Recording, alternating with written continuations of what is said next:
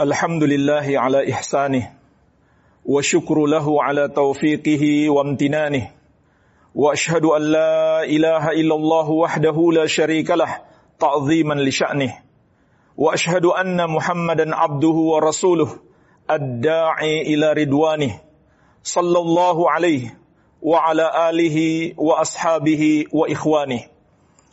يا أيها الذين آمنوا اتقوا الله حق تقاته. ولا تموتن إلا وأنتم مسلمون. يا أيها الناس اتقوا ربكم الذي خلقكم من نفس واحدة.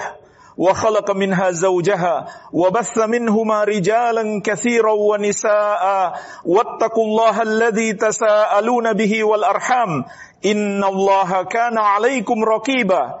يا أيها الذين آمنوا اتقوا الله وقولوا قولا سديدا. يصلح لكم أعمالكم ويغفر لكم ذنوبكم. ومن يطع الله ورسوله فقد فاز فوزا عظيما. أما بعد فإخواني في الدين jemaah salat Jumat kaum muslimin yang saya cintai dan saya muliakan. Rahimani wa rahimakumullah. Semoga Allah Subhanahu wa taala senantiasa mencurahkan rahmatnya kepada kita sekalian. Di kesempatan yang mulia ini, kami ingin mengingatkan salah satu dosa terbesar yang dapat membatalkan keimanan kita, yang dapat menghapuskan keislaman kita, yang menyebabkan kita murtad keluar dari Islam. Walaupun di KTP kita masih tertulis beragama Islam, walaupun kita melakukan solat, puasa dan zakat, semua itu tidak ada gunanya. Karena Allah tidak menerima amalan orang-orang yang telah batal Islamnya, yang telah hilang imannya, yang telah lenyap tauhidnya.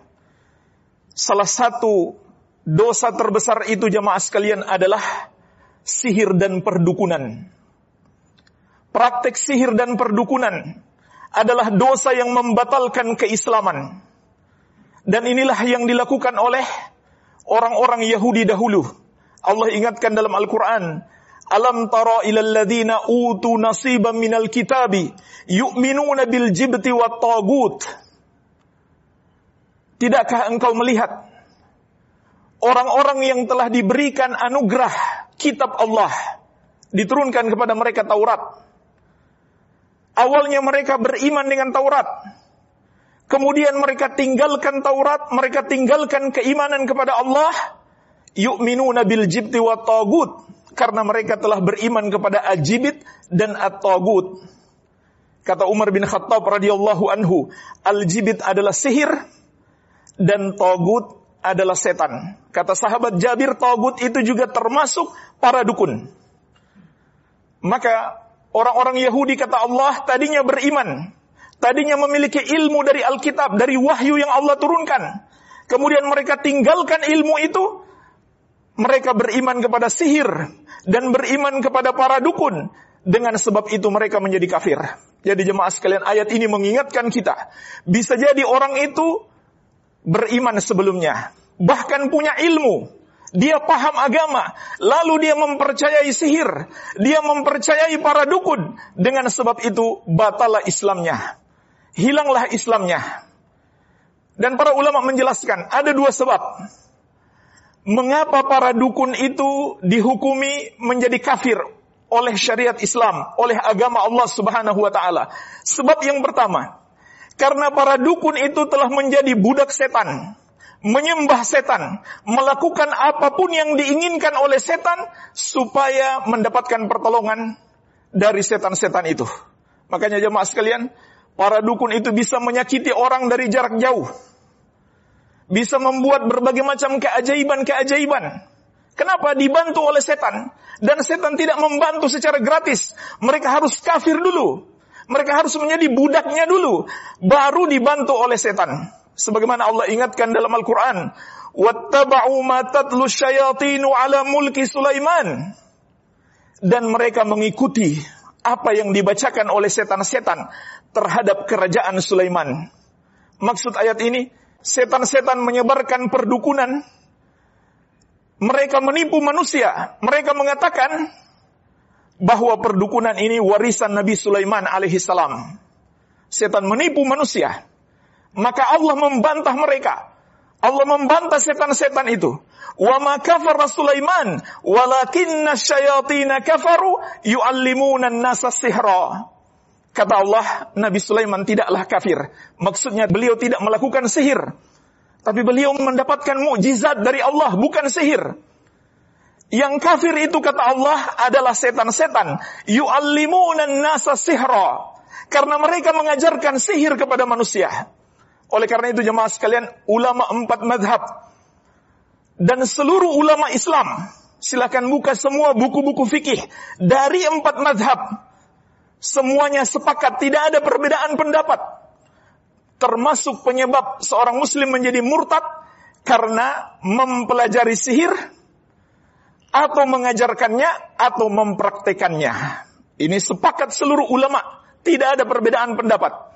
Dalam buku-buku fikih dari empat mazhab maupun mazhab yang lainnya, semuanya sepakat menghukumi orang yang melakukan sihir atau sekedar mempelajarinya atau mengajarkan kepada orang lain dia menjadi murtad kafir keluar dari Islam. Karena dengan tegas dalam ayat ini kata Allah setan-setan mengajarkan kekafiran kepada mereka mengajarkan sihir. Dan ini di antara sebab setan-setan dan para pengikutnya dihukumi kafir oleh syariat sebab yang kedua mengapa tukang sihir itu kafir dalam syariat karena mereka mensejajarkan diri mereka dengan Allah yang maha tahu perkara gaib. Padahal Allah telah menegaskan, "Kul la ya'lamu man fis samawati wal ardil ghaiba illallah."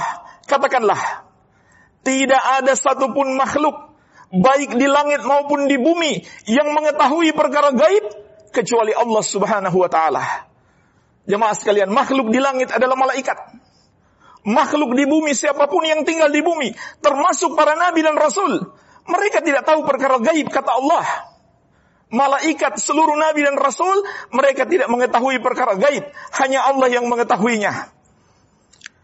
Lalu ada manusia yang mengaku-ngaku tahu perkara gaib, maka mereka telah menyamakan diri mereka dengan Allah subhanahu wa ta'ala.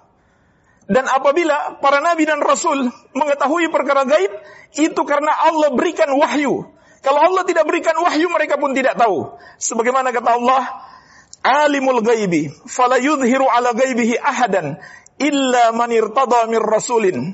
Allah yang maha mengetahui perkara gaib, maka Allah tidak tampakkan perkara gaib tersebut, kecuali kepada Rasul yang Allah ridhoi.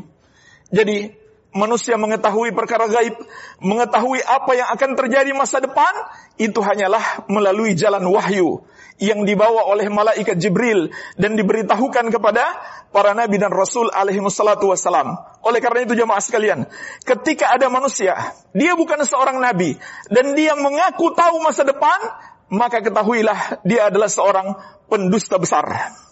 Dia adalah seorang pendusta besar. Tapi pertanyaannya jemaah sekalian, mengapa terkadang ramalan para dukun itu terjadi sesuai kenyataan? Maka ketahuilah jemaah sekalian, Justru kita sebagai seorang muslim semakin yakin jika ramalan para dukun itu terjadi sesuai kenyataan bahwa mereka memang betul-betul dukun. Karena Allah dan Rasulnya telah mengabarkan setan-setan membantu mereka untuk mengetahui masa depan yang dicuri dari pembicaraan malaikat. Jadi malaikat-malaikat yang Allah tugaskan untuk melakukan sesuatu di masa depan, lalu para malaikat ini berbicara, dan dicuri dengar oleh setan-setan dari kalangan jin, lalu setan-setan itu mendatangi para dukun dan mengabarkan apa yang akan terjadi. Lalu para dukun di muka bumi tampil sebagai seorang yang katanya orang pintar atau paranormal, dia bisa tahu masa depan. Padahal itu adalah kerjasama antara para dukun itu dengan setan-setan. Sebab mereka telah menghamba kepada setan-setan itu. Dalam Al-Quran Allah sebutkan, tentang ucapan para jin. Para jin ini dulu mereka kafir, kemudian mereka masuk Islam. Lalu mereka bercerita, Allah sebutkan di surat Al-Jin. Mereka mengatakan, Wa anna kunna naq'udu minha maqa'ida lis-sam'i. Fama yastami'il ana yajid lahu shihabar rasada. Bahwasanya dahulu kami di masa jahiliyah, di masa sebelum Nabi sallallahu alaihi wasallam diutus, duduk di satu tempat di bawah langit, di atas awan, sebagaimana disebutkan dalam hadis yang sahih. Dari situlah kami mendengarkan ucapan para malaikat akan apa yang Allah tugaskan kepada mereka untuk terjadi di muka bumi. Jadi Allah kabarkan kepada kita begini prosesnya. Para dukun mengetahui hal-hal yang gaib sehingga mereka meramal masa depan. Setan-setan itu mencuri pembicaraan malaikat. Siapa yang mendengarkan sekarang, dia akan mendapati panah-panah api. Yaitu setelah Nabi Muhammad SAW diutus, Allah menjaga langit dengan panah-panah api untuk menyerang para setan-setan itu. Tapi jemaah sekalian, Nabi Shallallahu Alaihi Wasallam mengabarkan, walaupun di panah api mereka berkorban untuk menyesatkan manusia, mereka tetap melakukan itu. Sebagaimana kata Nabi Shallallahu Alaihi Wasallam, mereka bersaf-saf dari bumi sampai ke suatu tempat di bawah langit. Fayasmaul kalimah, Summa yulqiha ila man tahtahu. Yulqiha al-akhar ila man tahtahu. Hatta yulqiyaha ala lisanis sahir awil kahin. Setan yang paling atasnya, dialah yang mendengarkan pembicaraan malaikat. Lalu dia sampaikan kepada yang ada di bawahnya.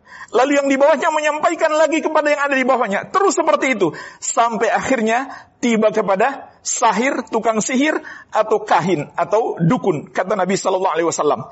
Jadi inilah jemaah sekalian proses mereka. Sok tahu perkara gaib, dibantu oleh setan-setan. Tapi manusia yang tidak memahami agama, tertipu oleh mereka. Manusia mengatakan karena dia orang pintar jadi dia tahu. Karena dia paranormal jadi dia tahu. Bahkan ada yang mengatakan mereka adalah ustadz besar, kiai khos, kiai khusus. Padahal mereka adalah teman-teman setan, wali-wali setan, musuh Allah. Walaupun mereka berjubah, mungkin berjenggot, mungkin berpeci. Jangan tertipu jemaah sekalian. Kalau ada orang yang sok tahu perkara gaib, maka dalam syariat namanya adalah dukun. Walaupun di masyarakat dia dipanggil kiai, dipanggil ustadz, dipanggil orang pintar, dipanggil paranormal, dan lain-lain. Kemudian kata Nabi Sallallahu Alaihi Wasallam, farubbama adraka syihab qabla ayulqiyaha wa rubbama alqaha qabla ayudrikahu. Dan setan-setan itu bisa jadi terkena panah api itu sebelum dia menyampaikan berita yang dicuri dari pembicaraan malaikat. Dan bisa jadi kata Nabi Sallallahu Alaihi Wasallam, dia sudah sampaikan berita itu, baru dia terkena lemparan api. Lihatlah jemaah sekalian, bagaimana setan-setan itu berkorban demi menyesatkan kita. Kemudian kata Nabi Sallallahu Alaihi Wasallam, fayakdzibu ma'aha mi'ata. Maka para dukun ini dengan bermodal satu berita benar, mereka menambah dengan seratus kedustaan. Perhatikanlah jemaah sekalian, Nabi Sallallahu Alaihi Wasallam mengabarkan kepada kita, manusia yang paling banyak berdusta adalah para dukun. Manusia yang paling suka berbuat dosa adalah para dukun.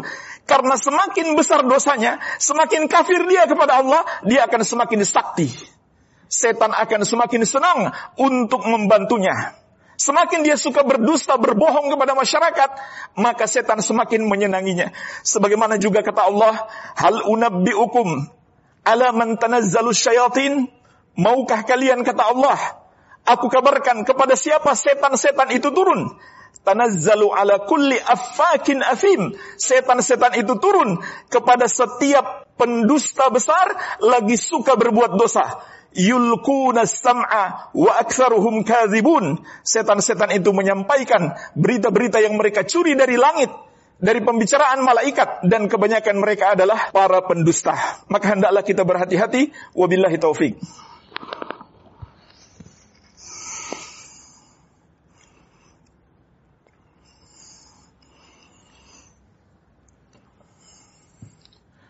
Alhamdulillah wassalatu wassalamu ala rasulillah wa ala alihi wa sahbihi wa man walah. Wa la hawla wa la quwata illa billahi amma ba'd. Jemaah sekalian apabila kita telah pahami sihir dan perdukunan adalah penyebab batalnya keislaman kita. Penyebab Allah murka kepada kita dengan semurka-murkanya. Karena kalau kita masuk dalam dunia sihir dan perdukunan, maka kita telah menjadi kafir kepada Allah Subhanahu wa taala. Kalau begitu jemaah sekalian, wajib bagi kita untuk berhati-hati. Dan wajib juga bagi kita untuk mengingatkan saudara-saudara kita. Jangan sampai terjerumus dalam dosa terbesar ini. Ini bukan sembarang dosa. Ini dosa membatalkan keislaman. Maka jemaah sekalian, sungguh aneh kalau kita semangat atau kita punya perhatian terhadap orang yang melakukan dosa misalkan korupsi atau zina atau hamar atau riba, itu semua dosa-dosa besar. Tapi kalau itu lebih kita perhatikan, lebih semangat kita melarangnya daripada para tukang sihir dan para dukun, kita termasuk orang yang ditipu oleh setan. Kita teriak-teriak, jangan korupsi. Kita marah dengan orang yang makan riba, tapi kita seakan tidak marah dengan maraknya praktek sihir dan perdukunan yang semakin merebak. Bahkan mereka tidak malu membuat perkumpulan dukun dan katanya akan membuat satu objek wisata perdukunan. Nauzubillah. Wajib bagi kita, terutama para ulama, para ustadz, para dai untuk mengingatkan masyarakat. Begitu pula menasihatkan pemerintah kita untuk melarang praktik perdukunan dan sihir ini jemaah sekalian. Dan bukan hanya para dukun itu yang batal Islam mereka. Orang yang mempercayai mereka atau menggunakan jasa mereka juga sama hukumnya sebagaimana Rasulullah sallallahu alaihi wasallam telah mengingatkan man atakahinan aw arrafan fasaddaqahu bima yaqul faqad kafara bima unzila ala Muhammadin sallallahu alaihi wa ala alihi wasallam Siapa yang mendatangi dukun atau tukang ramal lalu mempercayai ucapannya maka dia telah kafir terhadap Al-Quran yang diturunkan kepada Rasulullah Sallallahu Alaihi wa ala alihi Wasallam. Jadi orang yang mempercayai para dukun juga kata Nabi Sallallahu Alaihi Wasallam dia telah kafir. Cuma datang nanya-nanya tapi nggak percaya.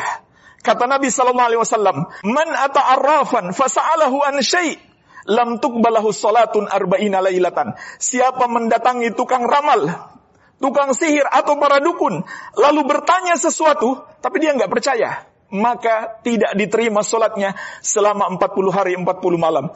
Dan jemaah sekalian ini juga berlaku dengan siaran-siaran mereka di YouTube, di medsos, di televisi, siapa yang menontonnya dan percaya, maka berarti dia telah kafir terhadap Al-Quran yang diturunkan kepada Rasulullah Sallallahu Alaihi Wasallam. Siapa yang menontonnya tapi tidak percaya, tidak diterima sholatnya selama 40 hari 40 malam. Jadi ini tidak main-main dosa yang sangat besar, yang sangat berbahaya.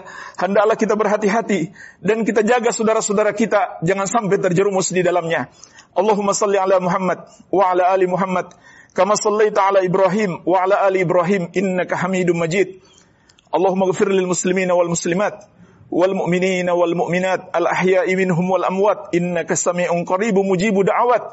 ربنا آتنا في الدنيا حسنة وفي الآخرة حسنة وقنا عذاب النار. وصلى الله على نبينا محمد وآله وسلم. وآخر دعوانا أن الحمد لله رب العالمين.